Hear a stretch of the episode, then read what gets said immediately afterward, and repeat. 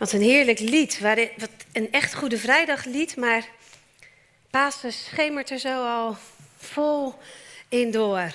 Mooi. Maar ja, het is toch eerst nog Goede Vrijdag. ja. En na dat avondmaal wat we zojuist gevierd hebben met elkaar, vertrekt Jezus met zijn vrienden naar de Olijfberg om te bidden. Je kent misschien dat verhaal waarin die leerlingen dan in slaap gaan vallen en zo.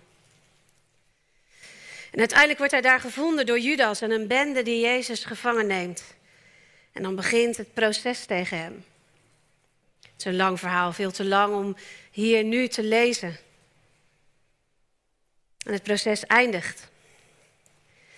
En daar pakken we het verhaal in hoofdstuk 27 weer op. Altijd de verkeerde kant op. Hè? Echt niet te geloven. Nadat ze hem gekruisigd hadden, ik heb de kruisiging maar even in het voorlezen overgeslagen.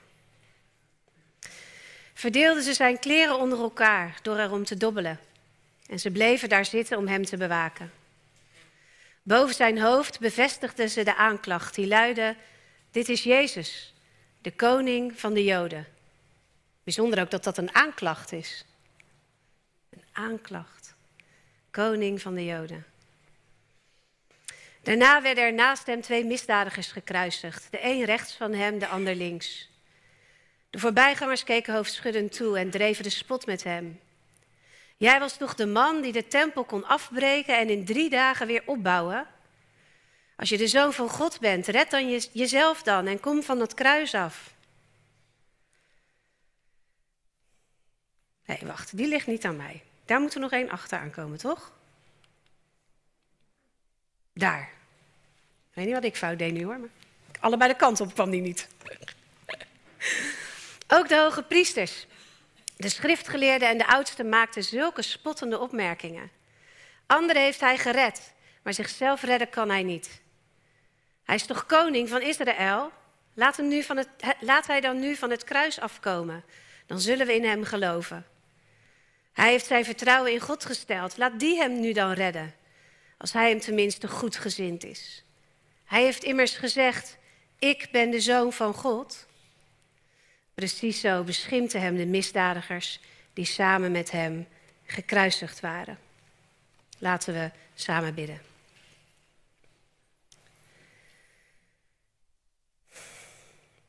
Heer Jezus. Deze avond willen we ons verbinden met die laatste avond van uw aardse leven. Uw leven als gewoon mens onder ons.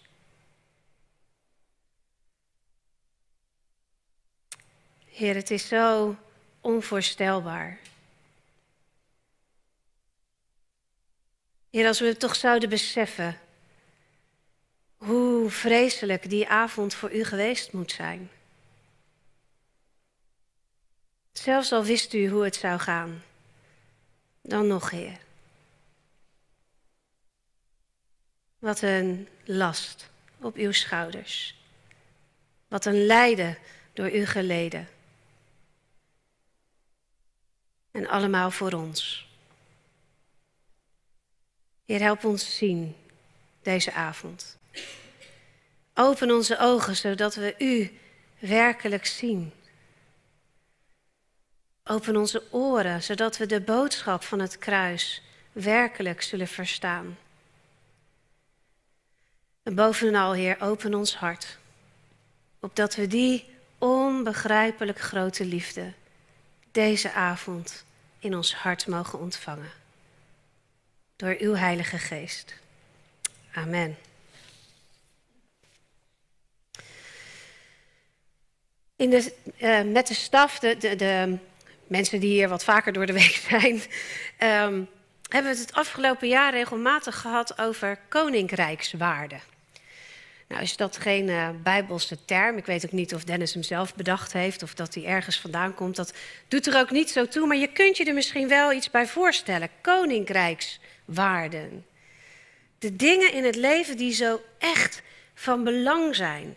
En die, als we daarnaar zouden leven, als ons dat zou lukken, en op de momenten dat het ons lukt, ons al iets van de ervaring van Gods koninkrijk geven. zelfs meer dan eens, denk ik, een stemwijzer ingevuld vanuit die waarde. Om te kijken waar je dan op zou moeten stemmen, om, waar je dan op uit zou komen. Koninkrijkswaarden zijn begrippen die, die ook eigenlijk universeel zijn. Die iedereen min of meer wel snapt. Je mag het een of het ander misschien wat anders invullen. Maar hoe je het ook invult, de wereld zou er een stuk beter van worden als we er werkelijk naar zouden leven. Mensen begrijpen het ook ongeveer hetzelfde, ongeacht of en hoe het aangeleerd wordt. Ik zal een aantal voorbeelden geven. Nou, jongens. Ik wil echt een ander ding, Dennis. Rechtvaardigheid. Het, we begrijpen het meteen allemaal. Zelfs al vul je dingen misschien wat anders in. Maar zelfs boeven, behalve echte psychopaten die geen geweten hebben, maar dat is echt maar een heel klein groepje mensen in de wereld. Over het algemeen begrijpt iedereen dat er dingen zijn die niet kloppen. Zelfs een heel jong kind kan al roepen: hé, hey, dat is niet eerlijk. In, in situaties, situaties die er nooit uitgelegd zijn. Het is gewoon duidelijk. Het, het geweten bevat de dingen die we leren als we opgroeien, maar ook een fundamenteel basisgevoel. Als iets niet eerlijk is, niet rechtvaardig is. Of liefde. Ook als je dat nooit uitgelegd wordt, kun je het ervaren, voelen. Ik weet niet eens of het uit te leggen zou zijn. En overal op de wereld wordt het ervaren. Of een of andere vorm van geloof. Spiritualiteit moet je het dan misschien wat breder noemen. Ook dat komt over de hele wereld voor. Je zou er zelfs een hele, heel pleidooi voor kunnen houden dat ook ongelovigen ergens in geloven. Al is het maar dat God niet bestaat. Geloof je, dat, geloof je toch dat? Een vorm van geloof is overal. Of vrijheid. We begrijpen allemaal wat het is. En, en de meesten zouden in opstand komen in meer of mindere mate, als in meer of mindere mate die vrijheid ingeperkt wordt. Schoonheid. We vinden misschien niet allemaal hetzelfde mooi, maar iedereen heeft een ervaring, een beleving bij wat mooi is, wat schoonheid is. Waarheid. Hoewel ongetwijfeld voor veel mensen anders. Een diep besef van wat werkelijk waar is, is universeel. Het zijn allemaal waarden, allemaal dingen die, die er echt toe doen in het leven. Die het leven waarde en, en, en betekenis geven. Dat, ik neem aan dat jullie dat snel met me eens zijn. En mensen die zich met deze thema's bezighouden, die zeggen dat het een soort ingebouwd is in de mens. En, en gelovige mensen zeggen dan al gauw dat dit het bewijs van God is. Dat wij op de een of andere manier naar zijn beeld geschapen zijn. En dit dus in ons verankerd heeft. Omdat koninkrijkswaarden bij God horen en daarmee in ons liggen. Een mooie gedachte vind ik dat.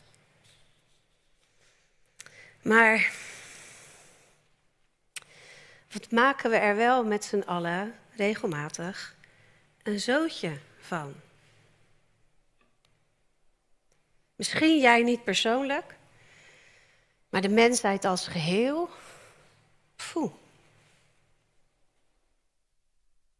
Rechtvaardigheid. Leven wij in een wereld waarin we werkelijk rechtvaardig met elkaar omgaan, waar alles eerlijk is? Het mag misschien pijnlijk klinken en we denken er ook niet zo heel graag over na, maar zelfs het goede in ons leven, Het eten, onze huizen, onze salarissen, onze kleding, noem het maar op. De dingen waar we God zo ruimhartig voor kunnen danken. Daarvoor wordt niet zelden de prijs betaald door mensen in andere delen van de wereld. Om maar eens een voorbeeld te noemen. Of liefde dan. Diepe liefde die zo gepaard gaat met, met onze kwetsbaarheid. Het gaat gelukkig ook heel vaak goed. Maar we worden ook vaak gekwetst. We verliezen mensen waarvan we houden. Doet de liefde pijn. We zijn bang voor afwijzing. Soms sluiten we ons daardoor af of doen domme dingen. We verlangen zo naar pure liefde, maar wij zelf, de ander of het leven maken dat het zeker niet alleen maar roze geur en maneschijn is. Geloof. Geloof in iets hogers. In een kracht in het, in, in het universum die voor ons zorgt en over ons waakt. Die ons helpt. Dat is iets prachtigs. Ook mensen buiten de kerk hebben vaak ergens een besef daarvan. Maar ik hoorde ook ooit eens de slogan: de kerk maakt meer kapot dan je lief is. Want zo vaak is dat geloof ook gebruikt om mensen bang te maken, te onderdrukken, macht te misbruiken. Nou, nog één dan, vrijheid. Hoeveel mensen zijn werkelijk vrij? Nog niet zo lang geleden preekte ik over hoe ons hart zich altijd verbindt met iets of iemand. En als ons hart verbonden is met dingen van de wereld en we ons daar te veel aan hechten, zijn we meteen al niet meer vrij. Dan heb ik het nog niet eens over de vrijheidsbeperking in landen waar wij niet wonen. De hoogste waarde van ons mens zijn, koninkrijkswaarde, de waarde van God zelf, die allemaal naar God zouden moeten en kunnen wijzen. Die ons mogen vertellen over hoe zijn beeld in ons ligt. Die ons vertellen over een wereld die is zoals God het bedoeld heeft. Juist die waarden kunnen wij vaak niet hoog houden. We maken er keer op keer een zootje van. En als we zo dat hoofdstuk 6 en 27 in Matthäus lezen, waar hij vertelt over die laatste dag in het leven van Jezus, dan zien we precies daar op die punten het misgaan. Rechtvaardigheid. In vers 66 roept de hoge priester en zij antwoorden, hij is schuldig en verdient de doodstraf. Maar Jezus is onschuldig niets rechtvaardigs aan. En het komt neer op de schouders van Jezus. En hij zwijgt. Liefde dan. Zijn geliefde leerlingen laten hem allemaal in de steek als hij gevangen, wordt, gevangen genomen wordt. Ze rennen allemaal weg of verloochenen hem even daarna. Zoals Jezus voorspelde, lezen we dat specifiek over Petrus. In vers 69 en 70. Petrus zat buiten op de binnenplaats. Er kwam een dienstmeisje naar hem toe dat zei: Jij hoorde ook bij die Jezus uit Galilea? Maar hij ontkende dat met klem, zodat allen het konden horen. Ik weet niet waar je het over hebt. En zo verlogent hij Jezus drie keer achter elkaar. Verraad. Afwijzing. Komt neer op de schouders van Jezus. En hij zwijgt.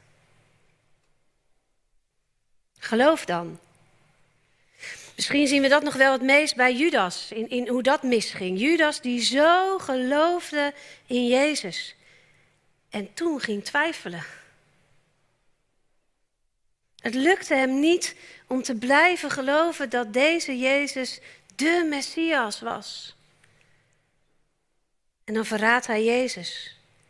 Over de reden is Matthäus zelf niet duidelijk. We weten in ieder geval dat hem een flinke beloning werd voorgehouden. En we weten ook dat hij zich uiteindelijk bedenkt. En tegen de priesters en oudsten zegt: Ik heb een zonde begaan door een onschuldige uit te leveren. Hij geloofde eerst echt in Jezus. en maakte er toen een zootje van.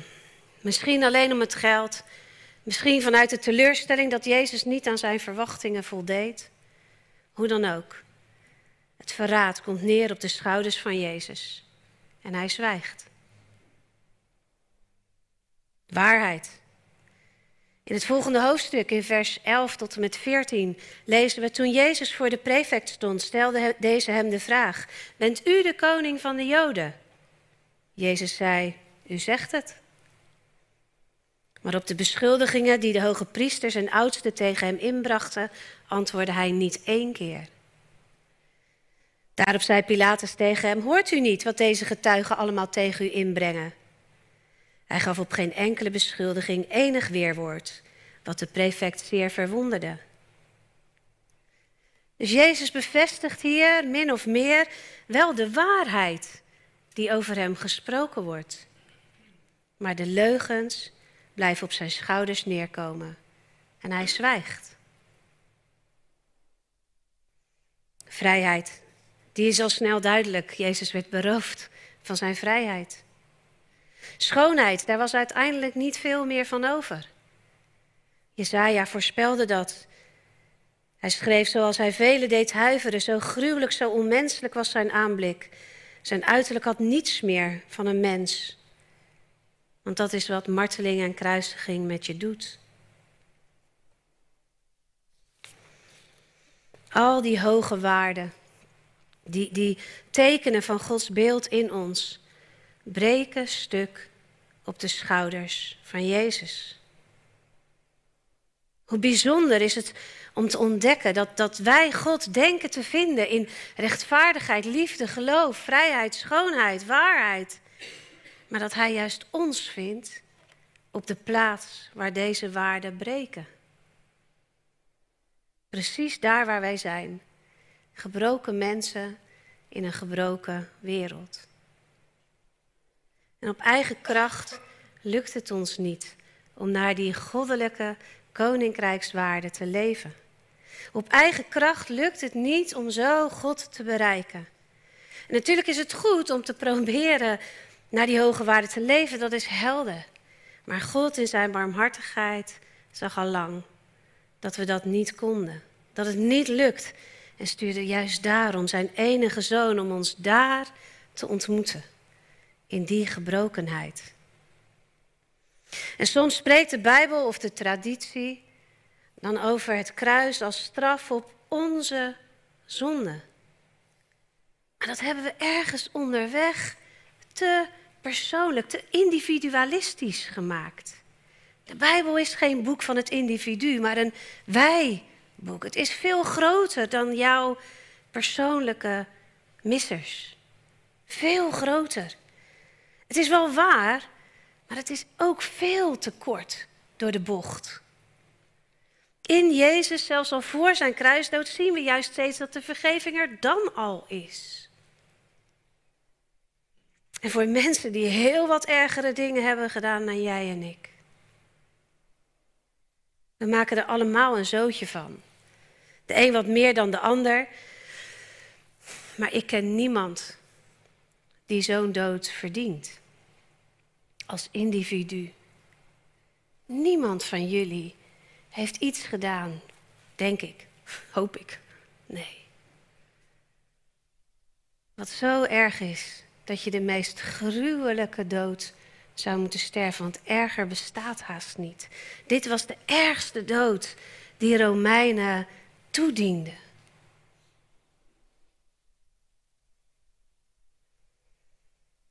Welke liefdevolle vader vindt dat zijn kind dat verdient? Hoe zou een liefdevolle God dat kunnen? Nee, je deelt erin mee, maar het is veel groter. Het kruis is de straf op de zonde. De zonde, op de zonde zelf op al het kwaad wat op Jezus' schouders brak, alle keren dat het kwaad ons, net als de mensen in het verhaal, verleidde om te liegen, om onrechtvaardig te zijn, om onrecht toe te staan. Alle keren dat het kwaad ons verleidde om tegen de liefde te kiezen. Niet jou alleen, maar in de hele wereld. Als we zeggen dat het kruis de straf is op de zonde, mag je dat veel letterlijker horen. De zonde, het kwaad zelf, lag op Jezus' schouders en werd gestraft met de dood. Die kracht in de wereld, of je het nu de duivel wilt noemen of dat je er andere woorden aangeeft, die kracht, die verdient straf. Die nam Jezus op zich. Die wordt overwonnen juist doordat het geen vat kreeg op hem. Want hij zweeg. Het kwaad deed zo zijn best. Om, om Judas aan te zetten om hem te verraden. Hij verleidde de leerling om hem in de steek te laten. Hij verleidde de Hoge Raad om hem vals te beschuldigen. Pilatus om hem zijn vrijheid af te nemen enzovoorts. En wat zou het kwaad graag gewild hebben dat Jezus wraak en vergelding had gezocht. Want daarmee zou er nog meer kwaad in de wereld komen.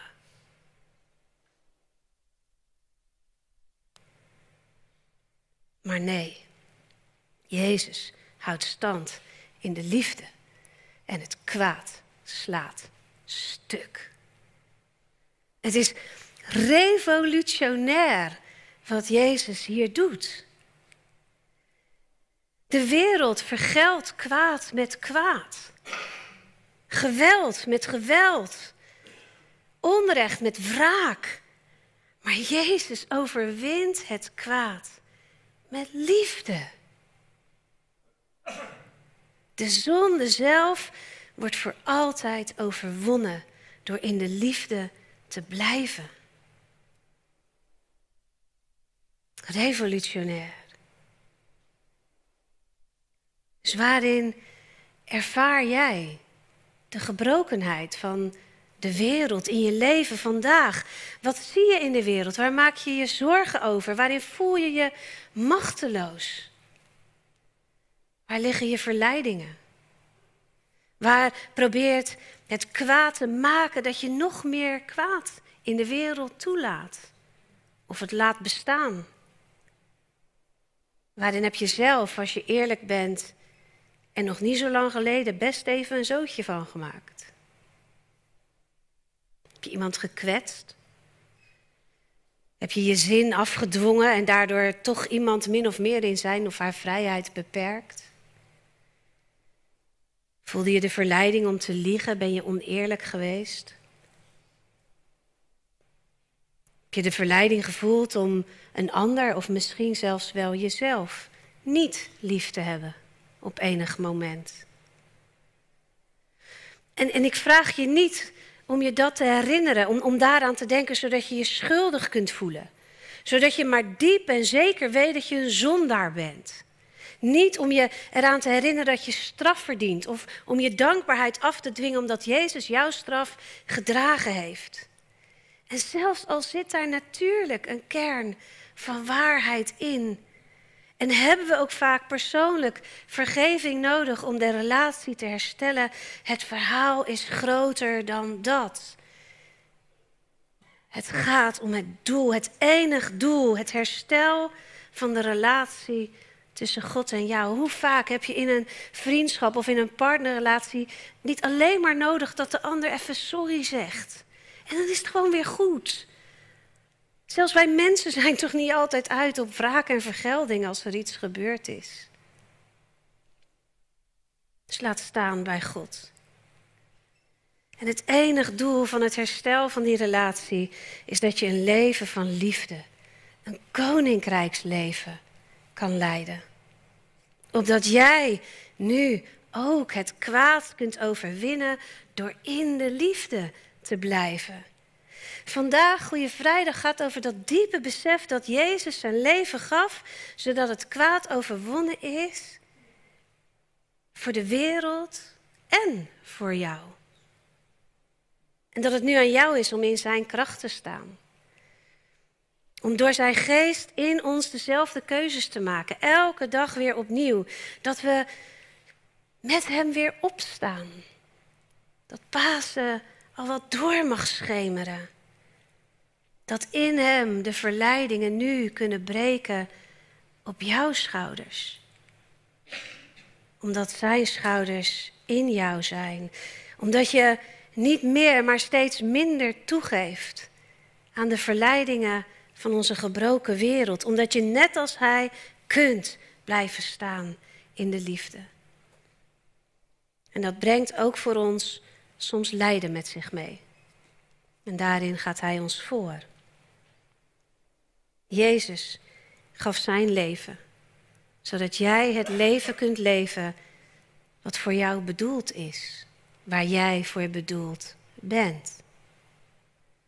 Als drager van Gods beeld op aarde, als teken van de hoogste koninkrijkswaarde die het leven de moeite waard maken. Amen.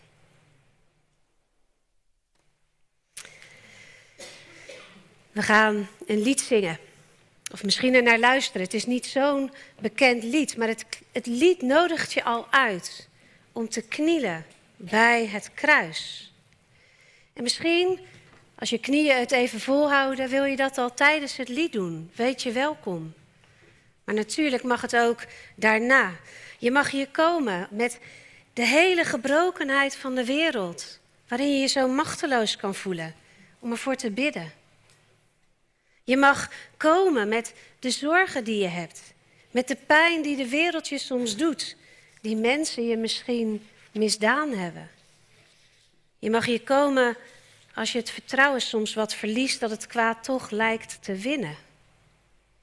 En je je ogen op het kruis wilt richten om eraan herinnerd te worden dat het echt al overwonnen is. Je mag komen met wat jou zelf vasthoudt.